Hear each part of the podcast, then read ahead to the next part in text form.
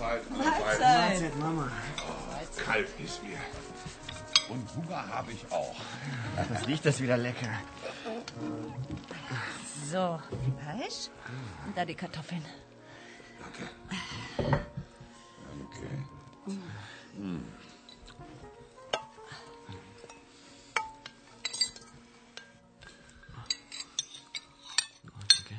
Guten Appetit. Irgendwie komisch. So ohne Sabine. Ach nee, Mama, fang jetzt bitte nicht damit wieder an. Gib mir mal lieber die Kartoffeln rüber. Danke. Naja. So einfach unter den Tisch gehen, kann man das ja wohl auch nicht. Bisschen kann ich sie sogar verstehen. Als Bauersfrau hier auf dem Hof hat sie nichts zu erwarten. Mal ehrlich, was hab ich schon gehabt vom Leben? Jeden Morgen früh raus, nie Urlaub und dann noch Schulden im Nacken. Da ist Sabine nicht der Typ für. Die hat doch ganz andere Pläne. Mama, bitte. Quatsch, Hilde. Stell dir doch mal vor, wie das gewesen wäre. Ich morgens ab in der Fabrik.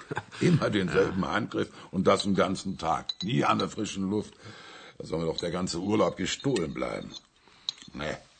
Für nichts in der Welt würde ich tauschen wollen. Irgendwie haben wir doch eine ganz andere Lebensqualität. Will ich wohl meinen. Ja, Kann ich mal das Brot haben, bitte? ja, ja. Schreckliche Vorstellung. Eingepfercht in einem Zwei-Zimmer-Betonsilo in der Stadt. Und dann die Fabrik mit Stecho und so. Oder ins Büro den ganzen Tag am Schreibtisch sitzen. Da kriegt mich keine zehn Pferde hin. Auch Sabine nicht. Wenn sie so ein Leben will, bitte. Aber nicht mit mir. Aber was das Geld angeht, hat die Mama schon recht. So kann es auf keinen Fall weitergehen. Sonst sehe ich für die Zukunft schwarz. Peter Harms hat allen Grund, sich Sorgen zu machen. Der Familienbetrieb erwirtschaftet nicht einmal das Existenzminimum, das der Staat den Ärmsten der Gesellschaft zur Verfügung stellt. Und das, obwohl drei Arbeitskräfte sieben Tage die Woche jeweils zehn Stunden im Einsatz sind. So wie der Familie Harms geht es heute jedem dritten landwirtschaftlichen Betrieb in Deutschland, der keine anderen Einkommensquellen hat. Täglich werfen bundesweit 48 Landwirte das Handtuch, geben den Betrieb auf, weil sich ihr Hof nicht mehr rentiert. Viele Höfe sind längst überschuldet.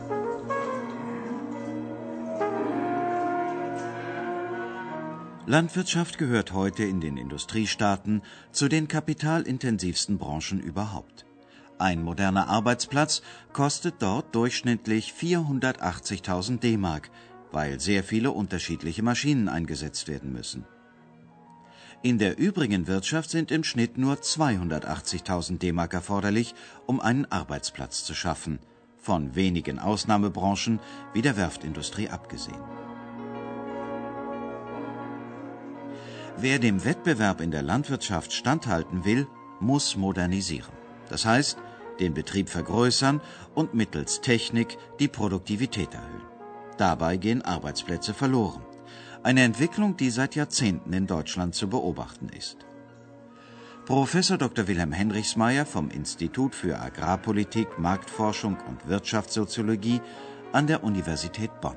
Mit der starken Reduktion der Beschäftigten in der Landwirtschaft hat sich vollzogen ein Prozess so von, wie es gelegentlich genannt wird, Wachsen und Weichen. Ausscheiden von Erwerbstätigen war in der familienbetrieblichen Landwirtschaft meistens verbunden auch mit der Aufgabe von Betrieben. Und die Kapazitäten, insbesondere die Flächen, wurden aufgenommen von wachsenden Betrieben, sodass man da einen Prozess hat, wo gleichzeitig Schrumpfung und Wachstum sich parallel abspielen.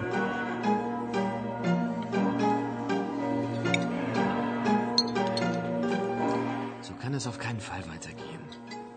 ich nicht, sonst sehe ich für die Zukunft schwarz. Peter, dann fang nicht wieder davon an. Modernisieren, wenn ich das schon höre. Bist wohl auch so eine, so, eine, so eine Milchfabrik, wie der Josef Müller sie sich hingebaut hat. Da kannst du gleich in eine Fabrik gehen. Mit Landwirtschaft hat das alles nichts mehr zu tun. Mensch, Papa. Wann begreifst du endlich, dass es so auf keinen Fall weitergeht? Kredite für neue Maschinen kriegen wir nicht mehr. Wenn was kaputt geht, können wir dicht machen. Und auf Geld vom Staat können wir auch nicht in alle Ewigkeit bauen. Wir sollten mal was ganz Neues ausprobieren. Vielleicht Eier und Milch verkaufen, direkt vom Hof hier. Ach, das ist eine gute Idee, Peter. Ja, ich würde ja auch nie Eier von Hennen aus diesen stinkenden Legebatterien essen. Womöglich noch mit Salmonellen drin und so. Naja. Bei uns würde man jedenfalls saubere Ohne mich, und Hilde, ohne mich, ohne mich. Da haben wir auch noch den ganzen Tag die Städter hier auf dem Hof. Da war gar keine Ruhe mehr. Das Problem ist doch, dass wir alles unter Wert verkaufen. Wenn man bedenkt, was für Arbeit da drin steckt, das weiß da gar keiner mehr zu schätzen. Sollen doch mal sehen, wie das ist, wenn wir vom Ausland abhängig sind. Wenn es dann Probleme gibt. dann kommen sie angekrochen und betteln darum, dass wir ihnen was zu essen geben.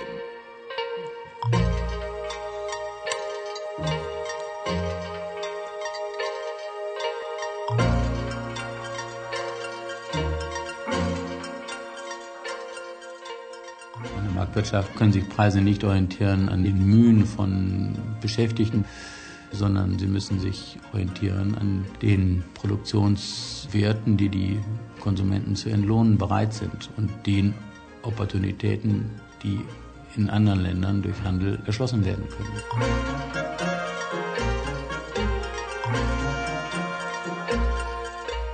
Der Preis eines Produktes richtet sich also nach Angebot und Nachfrage. Wenn wenig von einem Produkt angeboten wird und viele Verbraucher es kaufen möchten, dann steigt der Preis. Um ein Feld zu bestellen, benötigt man viele Arbeitskräfte. Arbeitskräfte, die in Deutschland im Vergleich etwa zu Ländern Mittel- und Osteuropas erheblich teurer sind. Die Folge? Es entstehen hierzulande höhere Kosten bei der Produktion. Die Arbeit des Landwirtes lohnt sich daher nur dann, wenn er einen höheren Preis für seine Ware erzielt, als für Importprodukte gezahlt werden. Wie ich das schon sehe. Heute ein Supermarkt. Nahrungsmittel kriegt man heute für einen Appel und ein Ei. Ist doch gar nicht einzusehen. Für alles geben die Leute viel Geld aus. Ne? Aber das, was täglich auf den Tisch kommt, das wollen sie am liebsten umsonst. Nun mach mal halblang, Papa. In anderen Bereichen jammerst du ja auch nicht, wenn du was billiger kriegst. Meinst du denn, den neuen Fernseher hättest du so günstig gekriegt, wenn er nicht sonst wo montiert worden wäre? Oder das Auto? Die Teile werden doch auch irgendwo im Osten oder was weiß ich wo produziert. Wenn beispielsweise Getreide in Polen so günstig produziert werden kann, dass es trotz der Transportkosten in Deutschland billiger als heimisches Getreide verkauft werden kann, lohnt sich der Import. Den Vorteil haben die Konsumenten, die preisgünstiger einkaufen können. Professor Henrichsmeier. Das darf man nicht alleine auf den Agrarbereich beziehen, den Agrarhandel beziehen. Das muss man ja auf alle Produkte beziehen, die international gehandelt werden. Und da wird eine Kosten-Nutzen-Analyse auch unter Berücksichtigung der externen Effekte dazu führen, dass es in fast allen Fällen zweckmäßig ist, die internationale Arbeitsteilung zu betreiben. Internationale Arbeitsteilung. Jedes Land bringt das auf die Weltmärkte, was es am besten und billigsten produzieren kann. Das funktioniert aber nur dann, wenn die Ware ohne Beschränkungen gehandelt werden kann. Im Agrarsektor ist das selten der Fall. Damit deutsche Landwirte von ihrer Arbeit leben können, werden sie von der Europäischen Union und vom deutschen Staat subventioniert. Das europäische Agrarsystem verschlingt mehr als die Hälfte des gesamten Etats der Europäischen Union, rund 80 Milliarden Mark pro Jahr. Preis- und Absatzgarantien, Importzölle und Importkontingente sowie Exportsubventionen sorgen dafür, dass sich die teuer hergestellten Produkte nicht nur im Inland verkaufen lassen, sondern auch in den Ländern, in denen die Produktion eigentlich viel billiger ist. Osteuropäischen Produkten bleibt so oftmals der Zugang zum europäischen Markt versperrt. Ein wichtiger Grund, weshalb eine Mitgliedschaft in der Europäischen Union angestrebt wird. Den europäischen Landwirten ist das gar nicht recht. Sie fürchten die Konkurrenz und machen sich deshalb für Abschottung und Subventionen stark. Unter Effizienzgesichtspunkten ist das in hohem Maße ineffizient. Unter den Grundprinzipien einer Marktwirtschaft auch einer sozialen Marktwirtschaft ist eine solche Politikausrichtung auch nicht äh, zu rechtfertigen. Jedenfalls nicht als eine Langfristperspektive, sondern allenfalls in bestimmten Ausprägungen als eine Politik, die Strukturwandel unterstützt und sozial absichert. Subventionen, die unprofitable Betriebe erhalten, sind auf Dauer ökonomisch nicht zu rechtfertigen. So hat die Europäische Union, die die Agrarpolitik für die Mitgliedstaaten regelt, Reformen auf den Weg gebracht. Die Preise vieler Agrarprodukte werden nicht mehr künstlich hochgehalten, sie sind den Weltmarktpreisen angeglichen worden. Auch Importzölle und Exporthilfen werden schrittweise reduziert. Im Gegenzug erhalten die Landwirte Ausgleichszahlungen, die den Einkommensausfall abfedern sollen. Agrarexperte Henrichsmeier Die Haushaltsknappheiten werden darauf hinwirken, dass die nicht auf ewig bestehen bleiben. Es wird dazu führen, dass in den Betrieben, die Entwicklungsperspektiven und Chancen haben, zu Betriebsgrößen und Effizienzen zu kommen, die den internationalen Standard entsprechen, die werden unter diesen Bedingungen konkurrieren können. Es wird andere Betriebe geben, die sich anpassen können, dadurch, dass sie besondere Qualitäten entwickeln und besondere Marktnischen bedienen.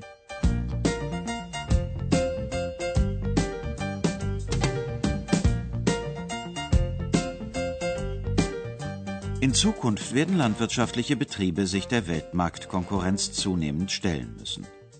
Das setzt eine bestimmte Betriebsgröße und den Einsatz modernster Technik voraus.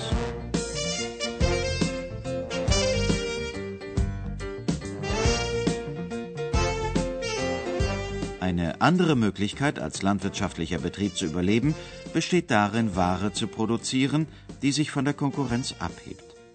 Das ist beispielsweise bei Produkten aus biologisch dynamischem Anbau der Fall.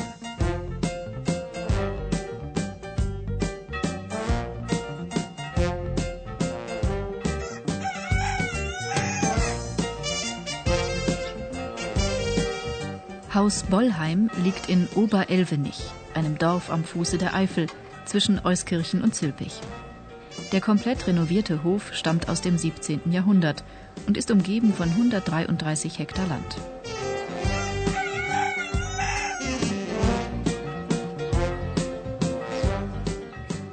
Fünf Familien leben und arbeiten hier, bauen Gemüse und Getreide an, züchten Rinder und Schweine, halten Hühner, Esel und ein Pferd. Seit 1982 bewirtschaften sie den Hof in alternativer Form. Als Ökobauern haben sie sich für biologisch dynamischen Anbau entschieden. Das heißt, künstlichen Dünger gibt es nicht und das Futter für die Tiere stammt aus eigener Produktion. Optimale Fruchtfolgen sorgen dafür, dass der Boden nicht ausgelaugt wird. Ein Ökobauer kann nicht genauso viel aus einem Acker herausholen wie bei der herkömmlichen Landwirtschaft. Deshalb macht er seinen Umsatz in erster Linie über die Qualität des Produktes und damit über den höheren Preis. Ernährungsbewusste Verbraucher sind bereit, mehr Geld für ein Produkt aus kontrolliertem Anbau auszugeben, sodass der Ökobauer eine klassische Marktnische bedient. Auch hier gilt, dass sich der Preis durch Angebot und Nachfrage bestimmt. Hans von Hagenow, einer der Geschäftsführer von Haus Bollheim. Bis vor ich weiß es nicht, also ja, fünf, sechs Jahren, vielleicht auch schon ein bisschen länger her, war eigentlich die Situation so im ökologischen Landbau, dass es eher ein Nachfrageüberhang als ein Angebotsüberhang äh, gegeben hat. Ich sage jetzt mal ein bisschen schwarz-weiß, da konnte man eigentlich alles für jeden Preis, also jetzt nicht ganz, aber so von der Tendenz her verkaufen. Diese Dinge haben sich radikal geändert. Immer mehr landwirtschaftliche Betriebe haben sich auf ökologischen Anbau spezialisiert. Durch das größere Angebot ist der Preis der Ware gesunken.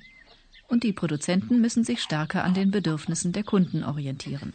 Für mich hat das auch eine positive Seite für den Landwirt, weil äh, ich muss jetzt wirklich auch mehr darauf gucken, auf Qualität.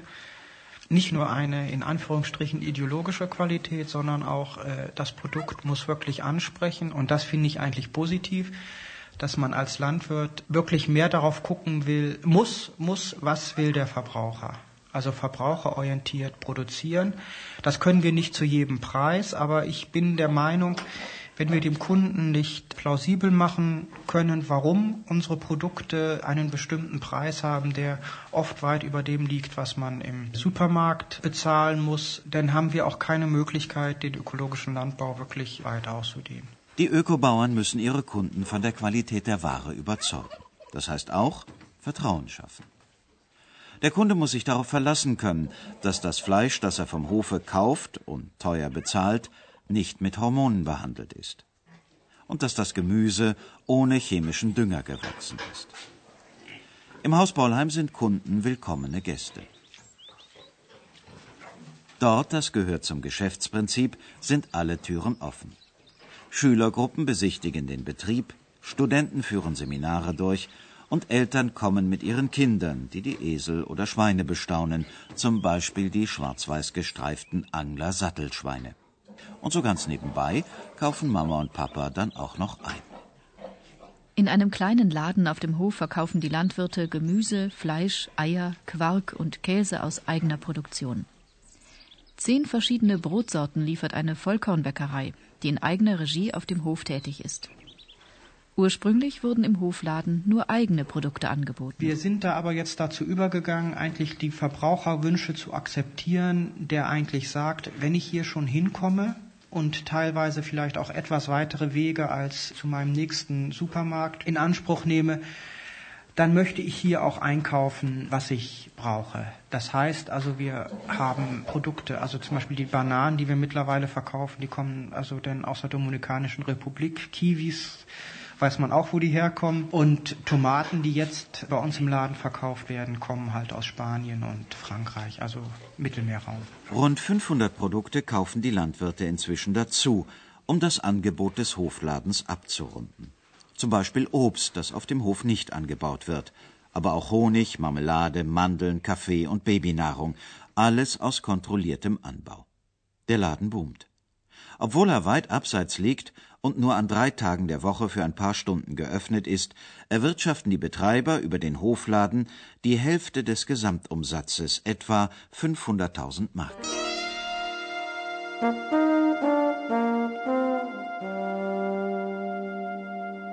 Ohne die richtige Vermarktung läuft es nicht, das haben sich die Landwirte klargemacht. So verkaufen sie ihre Ware auch auf dem Ökomarkt in der Kölner Innenstadt. Zweimal pro Woche fährt Hans von Hagenow mit seinen Ökoprodukten in die Stadt. Also für mich ist es ein Erlebnis gewesen. Wir haben letztes Jahr in Köln mit einem Markt angefangen.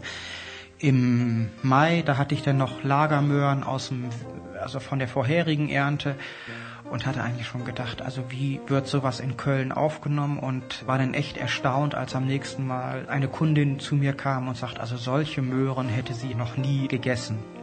Und das sind dann eigentlich so äh, die Verkaufsargumente, die wir haben, also dass der Geschmack wirklich ein anderer ist.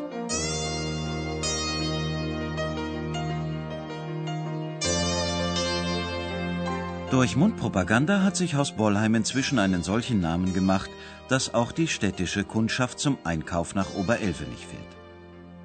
Das, was nicht direkt an den Kunden geht, wird bisher über regionale Großhändler vertrieben. Dabei soll es nicht bleiben.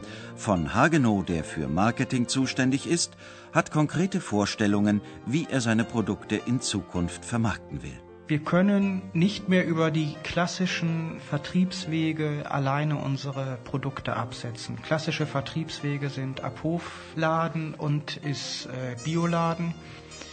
Bioladen hat ja für mich oft ein gewisses Image, wo also viele Kundenschichten sich also in gewisser Weise nicht so zu Hause fühlen, um nicht zu sagen abgestoßen zu fühlen. Das heißt, wir müssen jetzt eigentlich dafür sorgen, dass man in andere Vertriebssysteme auch reinkommt. Also das ist der Lebensmitteleinzelhandel und wenn man heute vom Lebensmitteleinzelhandel spricht, ist das hier bei uns weitestgehend Supermarkt. Das sind aber auch so Dinge wie Kantinen, Krankenhäuser und ähnliche Sachen. So verhandelt er mit einer Catering-Firma, die bundesweit Krankenhäuser mit Essen beliefert. Aber auch in Unternehmen sieht er seine zukünftige Klientel. Denn er weiß, dass ein Öko-Touch das Firmenimage prägt und von Unternehmen gewinnbringend vermarktet werden kann.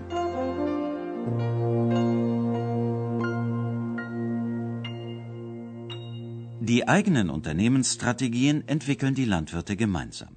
Neben den täglichen Besprechungen treffen sich die Ökobauern einmal pro Woche zur Unternehmerbesprechung und einmal im Jahr zur Jahresplanung. Dann wird auch das Budget aufgestellt und errechnet, welcher Ertrag mit welchem Produkt erwirtschaftet wurde und dementsprechend die Produktion des kommenden Jahres festgelegt.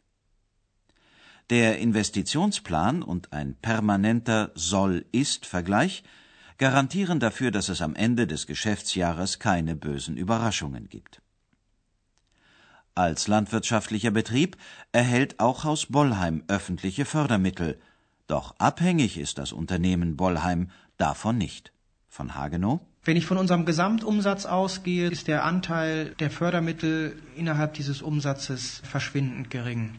Ich sehe auch immer eine Gefahr in diesen Fördermitteln, weil Fördermittel, soweit sie von der EG kommen, meistens die Tendenz haben, dass sie nur für einen bestimmten Zeitraum da sind. Und wenn ich mir eine Wirtschaftlichkeitsberechnung mache, versuche ich diese Fördermittel in dieser Berechnung eigentlich rauszulassen. Ohne Fördermittel auskommen.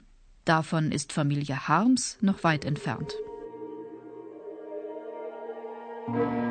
Immerhin, ein Anfang ist gemacht.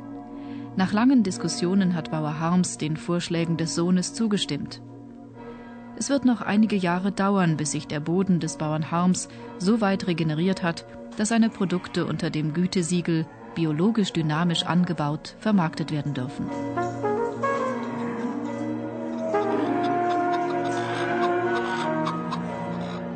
Aber schon jetzt hat die Familie Harms einen Verkauf auf dem eigenen Hof organisiert.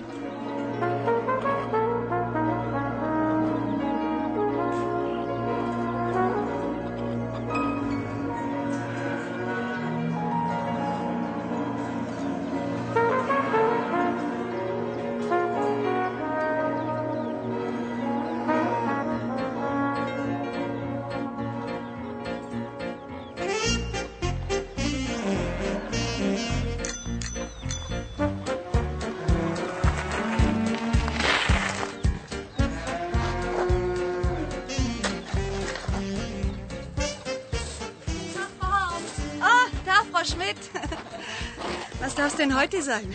Ähm, von den Eiern hätte ich erstmal gerne. Ah, und wie viel? Hm, zehn Stück von den großen. Braun. Ach, Frau Harms, ähm, Sie können sich gar nicht vorstellen, wie sehr sich die Kinder über die Eier neulich gefreut haben. Da habe ich Tiramisu von gemacht. Das hatte ich schon seit Monaten nicht mehr gemacht. Na, all dem, was man so über Salmonellen liest jetzt. Ne? Und bei den Eiern im Supermarkt, da weiß man ja auch nicht so genau, ob die immer frisch sind. Das war. Wie viel wollten Sie? Äh, zehn. Ja. Hm, sagen Sie mal, Hier. Ja? verkaufen Sie eigentlich auch Gemüse und Salat? Ja, aber natürlich. Hier, den Kopfsalat, den haben wir gestern erst geerntet. Der ist ganz knackig frisch. Oh, und äh, Endiviensalat haben wir da drüben, auch ganz frisch. Und dann hätte ich äh, Tomaten, die haben wir Oh ja, die- aufgestellt. Der wollte morgen erst geerntet. Hätten Sie gerne welche davon? Ja, tun Sie mir mal so fünf Stück. Ah, Drei, fünf? ja, so richtig rot.